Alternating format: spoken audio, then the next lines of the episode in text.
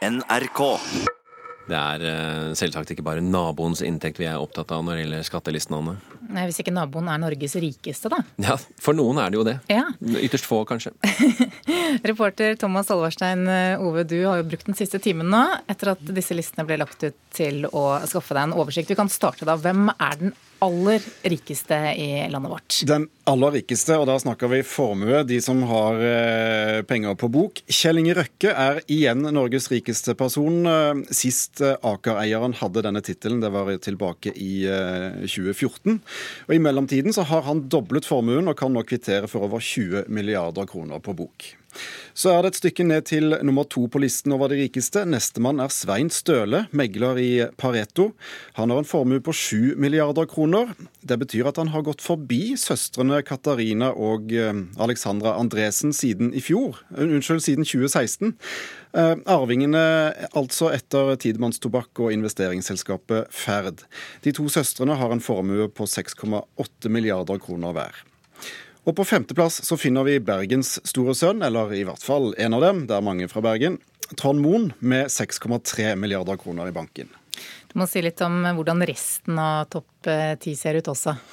Rema 1000-familien Reitan de tar opp tre av plassene. Far Odd på sjetteplass og sønnene Ole Robert og Magnus på henholdsvis niende- og tiendeplass. Åttendeplass ligger eh, Der ligger også et kjent navn, nemlig Fredrik Wilhelm Moen, sønn av nevnte Trond Moen. Syvendeplassen er kanskje den mest eh, anonyme på topp ti-listen over eh, formue. Margaret Boel Garman, en Wilhelmsen-arving. Hva med inntektstoppen? Hvem tjente mest? På inntektstoppen i fjor så finner vi faktisk en rekord. Der troner Kim Wahl, som driver oppkjøpsfondet Industrikapital. Han kan notere seg en inntekt på over 1 milliard kroner, og det er første gang noen i Norge har hatt en inntekt på over 1 milliard i løpet av ett år. Ja, så treffer vi på et eh, kjent navn igjen altså på andreplass. Ja, er godeste Trond Moen, husker vi fra femteplassen på formue. Han øh, har altså en inntekt på, på nesten 490 millioner kroner, som kvalifiserer til andre andreplass på inntektstoppen. Og Tredjeplassen er også et navn vi har hørt før. Petter Olsen, rederarving, investor, bonde og kunstsamler. Mannen som solgte Munchs 'Skrik' for noen år tilbake. I fjor så noterte han en inntekt på 254 millioner kroner. Takk skal du ha, reporter Thomas Alverstein. Um, Ove, videre til deg, økonomikommentator Cecilie Langum Becker. Det blir mye navn og mye tall her, men det vi iallfall kan lese ut av disse listene, eh, det er at de rikeste her i landet, de blir rikere. Ja, det, det stemmer. De, nå er det 58 nordmenn som har en formue på over 1 milliard, ifølge disse skattelistene.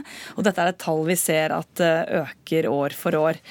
Eh, og når det gjelder eh, altså inntekt og ikke formue, så ser man også at den øker. Vi hørte reporterne også snakket om, at, om Kim Wahl som hadde tjent over en milliard kroner i fjor. Bare for noen år siden så lå på en måte toppsjiktet når det gjaldt inntekt, lå på rundt 300 millioner kroner. Da var det på en måte en liten gruppe.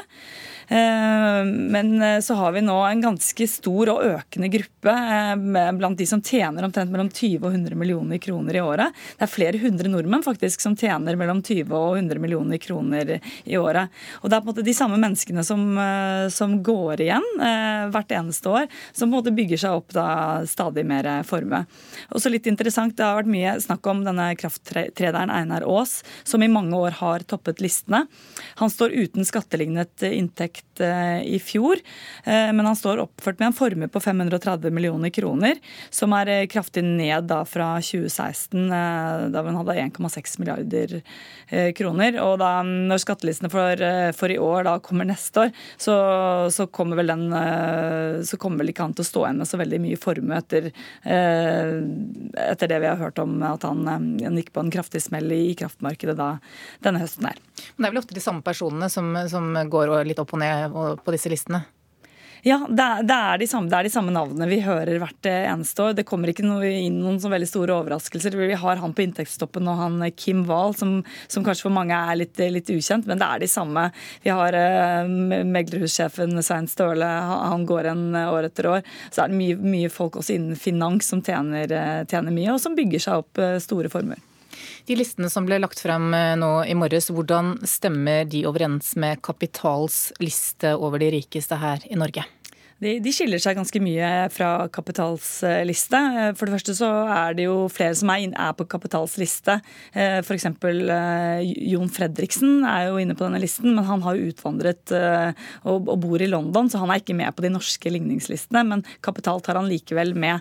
Og så gjør de en litt annen beregning. De, de baserer seg ikke på ligningstall, men de på en måte prøver, og de setter seg ned og regner på det, rett og slett. De baserer seg på markedsverdier. Um, så de listene vi baserer oss på her, disse ligningslistene som vi får fra skatteetaten, de viser jo ikke hele bildet. Nei, Hva er det de ikke viser? Kan du si litt om det? Eh, det er veldig mye de ikke viser, både når det gjelder inntekt og når det gjelder formue. Eh, når det gjelder inntekt, så har vi jo f.eks. folk som har store lån og høye renteutgifter. De kan stå oppført i skattelistene med vesentlig lavere inntekter enn det som er på en måte det de har fått utbetalt i kroner og øre. Og så har man mye fradrag, eh, minstefradrag, foreldrefradrag osv. Så, det betyr at mange kan ha en høy reell inntekt, men lav skattemessig inntekt. Og så har du også eh, formue. Da, da, beregnes ikke alle verdiene man har til det som er det vi kaller riktig verdi, f.eks. Eh, bolig, som, eh, som mange forholder seg til.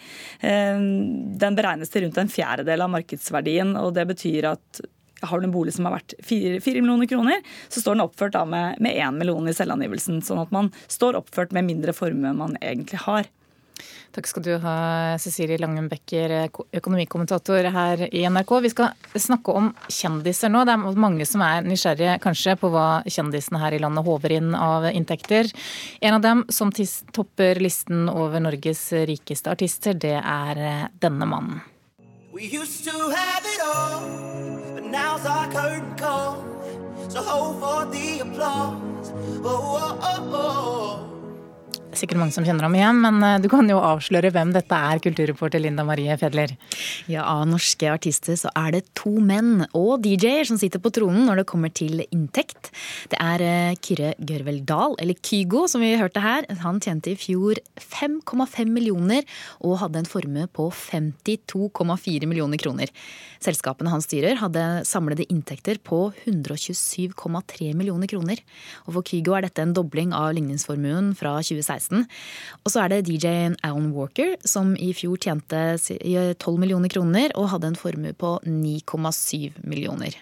Så er det også andre som har bygget seg opp millionformuer. Det er flere topploggere og såkalte påvirkere som gjør det mer enn godt nok. Og her er det kvinnene som regjerer. Det er en ganske ny trend at det er kjendiser fra blogg- og påvirkermiljøet som tjener mest. Og øverst på listen så finner vi 23 år gamle Sofie Elise Isaksen. Hun hadde i fjor en inntekt på 2,5 millioner kroner og en formue på 7,5 millioner. Isaksen opprettet eh, sitt aksjeselskap i 2016 og i sitt andre driftsår omsatte Sofie Elise for 4,8 millioner kroner innen forfattervirksomhet, bloggvirksomhet og reklame. På andreplass over formue så finner vi topplogger, nemlig Anniken Jørgensen. Hun eh, kalles også for Anjor. Hun sitter på en formue på 2 millioner kroner og hadde en inntekt på 2,2 millioner. Eh, og størst inntekt har eh, imidlertid Marna Haugen Bure, best kjent som alias komikerfrue. 37-åringen eh, bokfører en inntekt på 2,7 millioner, men har oppført en eh, formue på null. De siste eh, årene har flere store selskap slått seg opp gjennom å tilby markedsføring gjennom store profiler på sosiale medier og bloggere.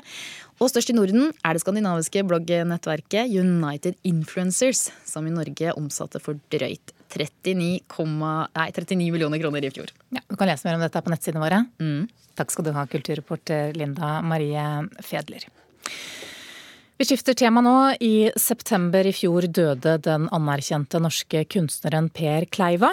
Før helgen åpnet utstillingen Kniv i vann på Kunstnernes hus i Oslo, en utstilling som gir glimt fra hele Kleivas kunstnerskap. Mona Palle Bjerke, kunstkritiker her i NRK, forteller hvem Per Kleiva var. Altså, Per Kleiva regnes som en av våre aller mest markante billedkunstnere. Han var jo maler, han var grafiker, han jobbet især med silketrykk og med en teknikk eh, som åpnet for å hente inn rastrert fotografi inn i det grafiske uttrykket, som ga dette harde, kraftfulle plakatpreget eh, som han er, han er blitt så kjent for. Han kombinerte jo gjerne et poetisk, eller poetiske titler poeter og på en måte et uh, poetisk formspråk med et politisk raseri. Og det er jo der noe av hans helt spesielle styrke ligger. Hvorfor heter utstillingen 'Kniv i vann'? Ja, Den tittelen er hentet fra et verk fra 1971 som nettopp viser en kniv som skjærer i vann. Og det, dette er jo egentlig oppsummere litt Kleivas kunst som et sånt fåfangt for, forsøk på noe. Et, det er noe poetisk, en poetisk gest, samtidig noe aggressivt med denne kniven. Så dette er utrolig, jeg syns det er en god tittel, eh, og et godt bilde som på en måte forsidebilde for denne utstillingen. Men aller mest er han vel kjent for bildene som tematiserer Vietnamkrigen. Er disse ikoniske bildene med på denne utstillingen? Absolutt. Blad fra imperialismens dagbok og amerikanske sommerfugler er blitt da selvfølgelig ruvende ikoner i norsk kunsthistorie, og de har fått prominent plass i utstillingen blad fra imperialismens dagbok. Der ser vi mørke helikoptre over en idyllisk eh, blomstereng.